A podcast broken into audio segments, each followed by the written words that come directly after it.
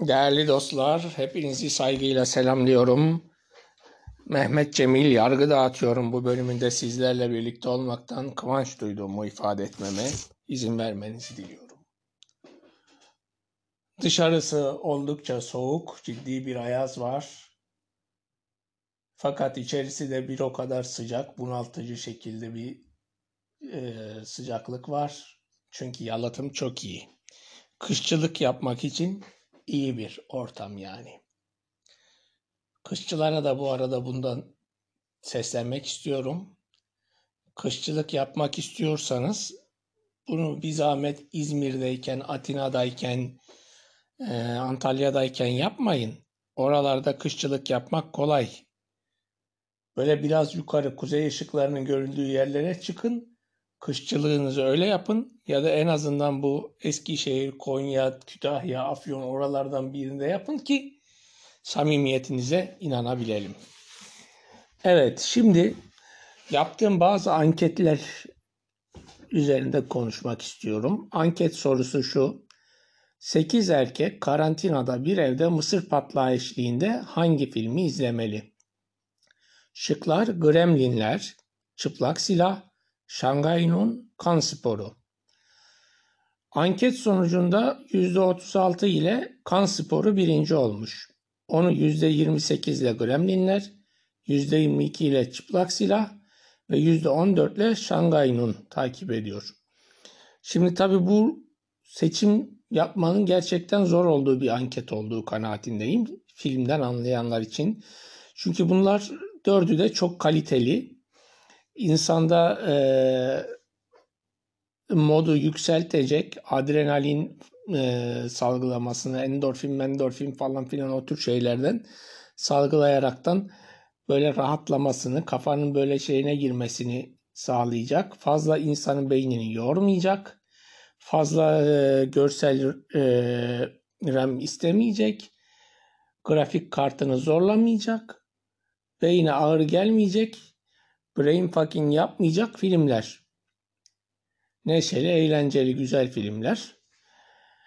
Yani tabii bu filmler şöyle bir ortam düşünelim. Kalmışız. Elimizde 4 tane DVD var. Ya da VCD var. Bu filmler hangisini izlerdik? Kesinlikle tabii bir 8 kişinin olduğu bir ortamda ne olacak?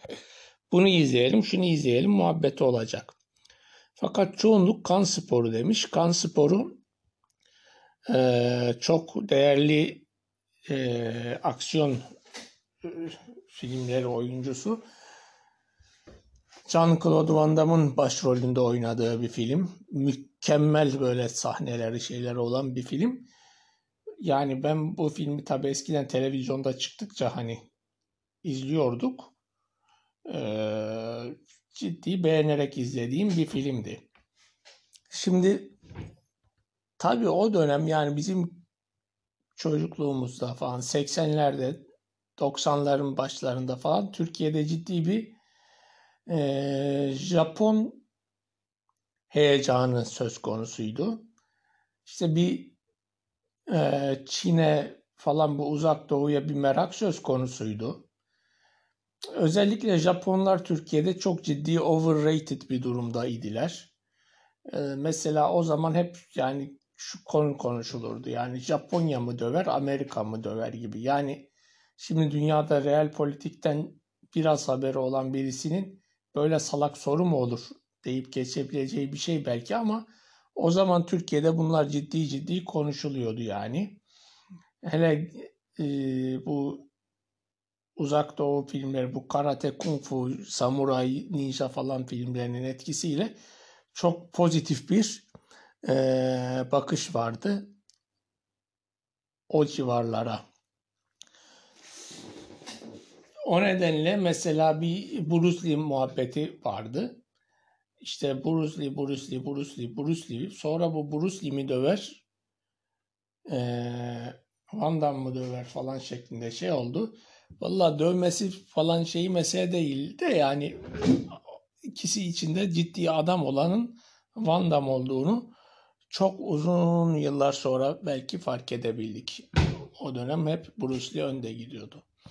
İkinci sıradaki film Gremlinler. Şimdi eskiden şey vardı bu Star televizyonu, Star 1 ya da Interstar falan bir şeydi onun adı o zamanlar. Orada pazar geceleri miydi neydi yayınlanan bir Parlament Sinema Club diye bir şey vardı. O Parlament Sinema Kulübü'nde böyle güzel seçilmiş ee, insanın heyecan veren şey yapan filmler oynatılırdı. Gremlinler de bunlardan birisiydi. Ee, gayet güzel şey bir filmdi. Çıplak Silah ise spoof komedi dediğimiz tarzda bir film.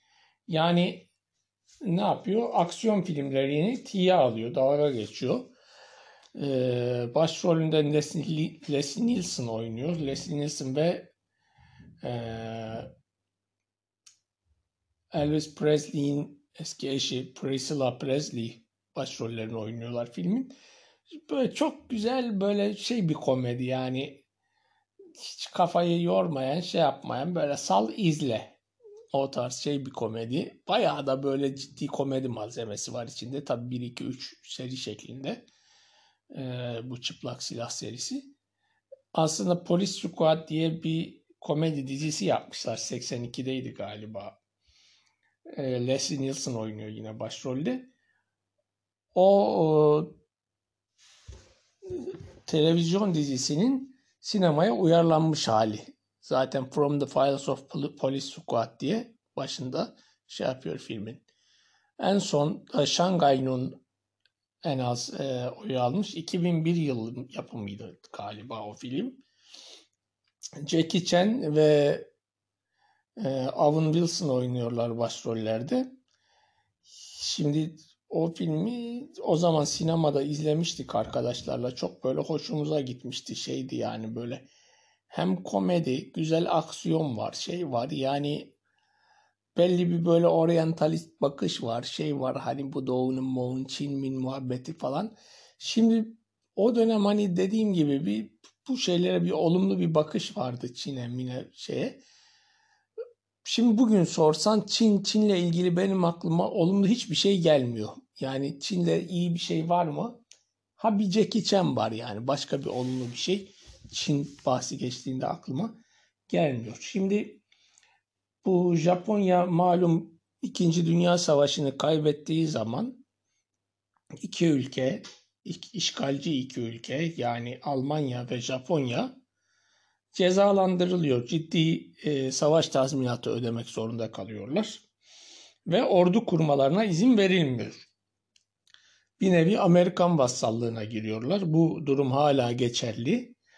Ee, Amerikan Deniz Kuvvetleri konuşlanmış durumda Japonya'da. Garantörlüğünü Amerikan Deniz Kuvvetleri yapıyor. İşte Amerika mı döver Japonya mı sorusunun düşünün saçmalığını 90'larda bunun sorulmasının. Ee, Almanya'da hakeza Amerikan ordusu bekliyor. Ee, ki Almanya zaten ikiye bölünmüştü. Bir kısmı Sovyetlerde bir kısmı e, Federal Almanya bakın ismi de Federal Almanya olarak şeyde kalmıştı. Amerikan vassallığında sonra iki kısımda birleşti. Yani bu ülkeler ordu ordu besleyip şey yap yani dünya adına böyle e, askeri olarak bir iddiaları kalmayınca ekonomik olarak, teknolojik olarak gelişmeye daha ciddi fırsat belki bulmuş olabilirler. Bu peki bu Japonya gelecekte bir Amerikan alternatifi bir şey olabilir mi falan sorusu konuşulunca tabii şey oluyordu hani bunlar çok işte işlerine düşkün adamlar. Bunlar işte çok teknolojik kimseler. Bunlar işte çok kitap okuyorlar falan.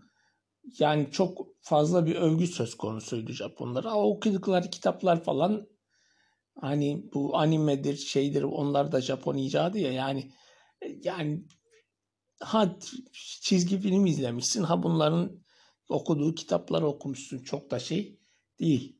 Ama ben bu soruyu Selçuk Esenbel Hoca'ya sordum. Hocam dedim yani dedim bu siz bu konuda ne düşünüyorsunuz? 80'lerde 90'larda böyle bir hani Japon heyecanı vardı. Selçuk Esenbel de eski Japonya Büyükelçisi'nin kızı. Japonya konusunda Türkiye'de en ciddi çalışmalar yapan profesör Boğaziçi'nde hocaydı. O da dedi ki Ya bu dedi bu soru güzel bir soru. Bu soruyu da eski Japon başbakanına sormuşlardı dedi. O da nerede ya demiş. Yani Japonya'nın artık dünya muvazenesinde bir ülke olmak, şey yapmak şansı o atom bombasının inmesiyle beraber bitmiştir demiş. Şimdi bu anketi buradan e, bırakalım. Diğer bir anketten devam edelim. Evet, değinmek istediğim bir diğer hususta şu bir video dolanıyor. Ali Baba, Ali Baba.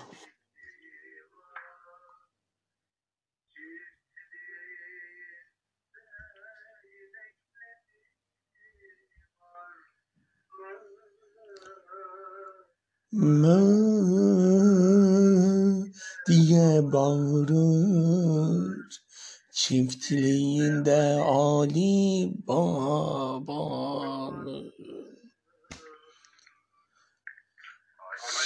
Şimdi bu videonun altında herkes şöyle işte bu nasıl bir kafa bunlar bu kafaya neyle ulaştılar ne istilerse ben de ondan istiyorum falan. Arkadaşlar bu 3-5 arkadaş bir araya geldiğinizde bu kafaya ulaşamıyorsanız sizin kafanızda ciddi bir problem vardır. Yani bunun için hiçbir şey içmenize gerek yok.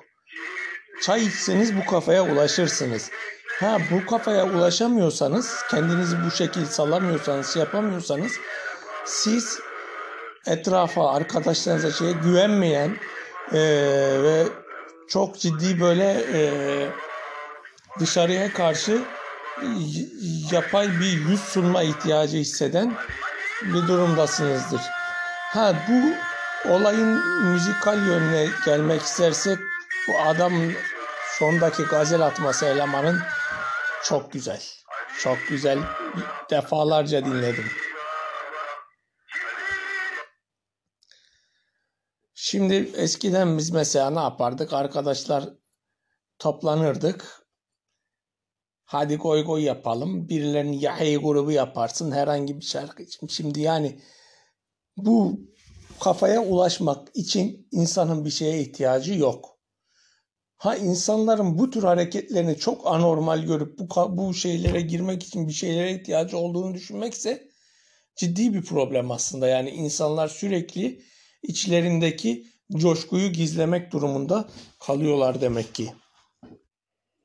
Evet, yaptığımız bir diğer anket. Which one is the biggest threat for YouTube demişiz. Şıklar Netflix, too much ads, Indian Chinese invasion. Yani YouTube için aşağıdakilerden hangisi en büyük bir tehdit içermektedir? Netflix, çok fazla reklam çıkması ve Hint-Çin e, işgali. %65 çok fazla reklam çıkması demiş. %22 Hint-Çin işgali demiş ya da istilası demiş. %12,5 da Netflix demiş. Yani anket sonucu yani ben böyle insanların sağduyusuna daha ciddi güvenmemi güvenme yönünde beni yani cesaretlendiren bir anket. Sonucu çıkmıştı yani sonuçların sıralaması, tercihlerin sıralanmasında. Evet YouTube'da çok fazla reklam çıkıyor. Ara ara şey, şey falan. Bu ne oluyor? YouTube'da bir şey izlerken keyfini kaçırıyor. Bu kadar fazla YouTube'un reklam koymaması lazım. E parayı nereden kazanacaklar? Az kazansınlar. Evet. Hint-Çin e, istilası ile kastettiğim ise şu. Ya giriyorsun neyle ilgili yazsan Hintliler, Çinliler bir sürü video çekmişler. Acayip bir aksanları şeyleri var. Ve de bu da problem değil. Esas problem bu videoların çoğunda e, temel maksadın yayıncılık üzerinden hani bir e, para kazanılıyor ya YouTube'da.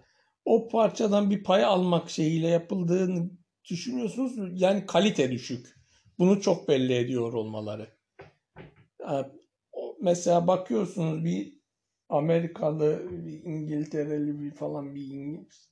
Yani dünyanın herhangi bir yerinde adamlar video çekiyor koyuyorlar. Çok ciddi kalite yüksek videolar var yani. Adam o örneğin diyelim ki adam sucuk yapmayı anlatıyor. Adam ona ciddi bir böyle çaba sarf etmiş, yapmış. Şimdi şey videolarda bunu göremiyorum. E, her how to videosunda da bunların çıkıyor olmasının YouTube'un tercih etmem için yani bu konularda araştırmada olumlu olmayan bir etkisi olduğunu düşünüyorum. Yani ırkçı bir tutum bu. Ama insanda ırkçılık zaten olur. Olmaz diye bir şey yok. Şimdi Netflix %12,5 Netflix demiş. Aslında evet bu sonucun da söylediği gibi Netflix YouTube'un bir alternatifi değil. Netflix e, televizyonun da aslında bir alternatifi değil. Netflix videonun alternatifi. E, tabii şöyle birisi bana gelse dese ki Netflix gibi bir şey açacağız işte süper tutacak falan çok saçma gelirdi bana niye yani derdim. Zaten internette videolara insanların ulaşabileceği o kadar çok şey varken Netflix gibi sen bir şey yapıyorsun parayla niye tutsun falan. Tutuyor işte anlamıyoruz. Demek ki böyle yani. O yüzden biz bu e, ticaret falan şey konusunda bizim fikrimiz çok alınmaması gereken insanlar yani fikir alınmaması gereken. Bak adamlar yapıyor tutuyor. Ha Netflix böyle şey gibi oldu yani şimdi mesela Netflix'te ne izlesen kendimi çok entelektüel hissediyorum. Netflix logosu çıkıyor şey yapıyor ya.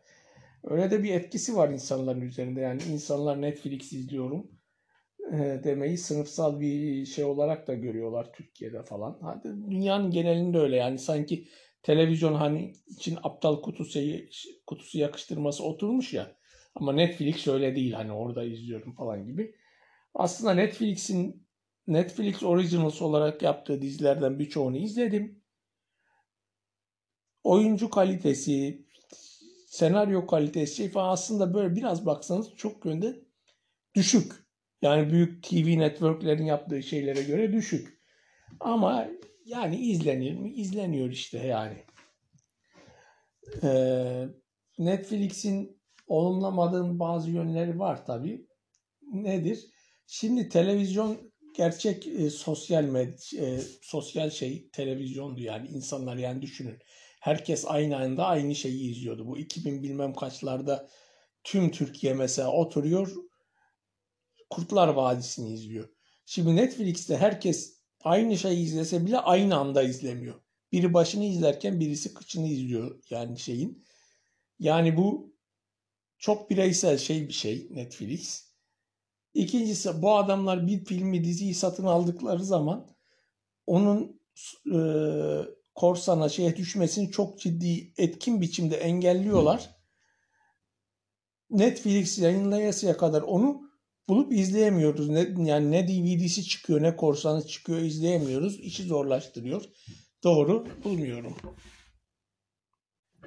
Diğer bir anketimizde en üstün enstrümanı sormuşuz. Dört enstrüman saymışız.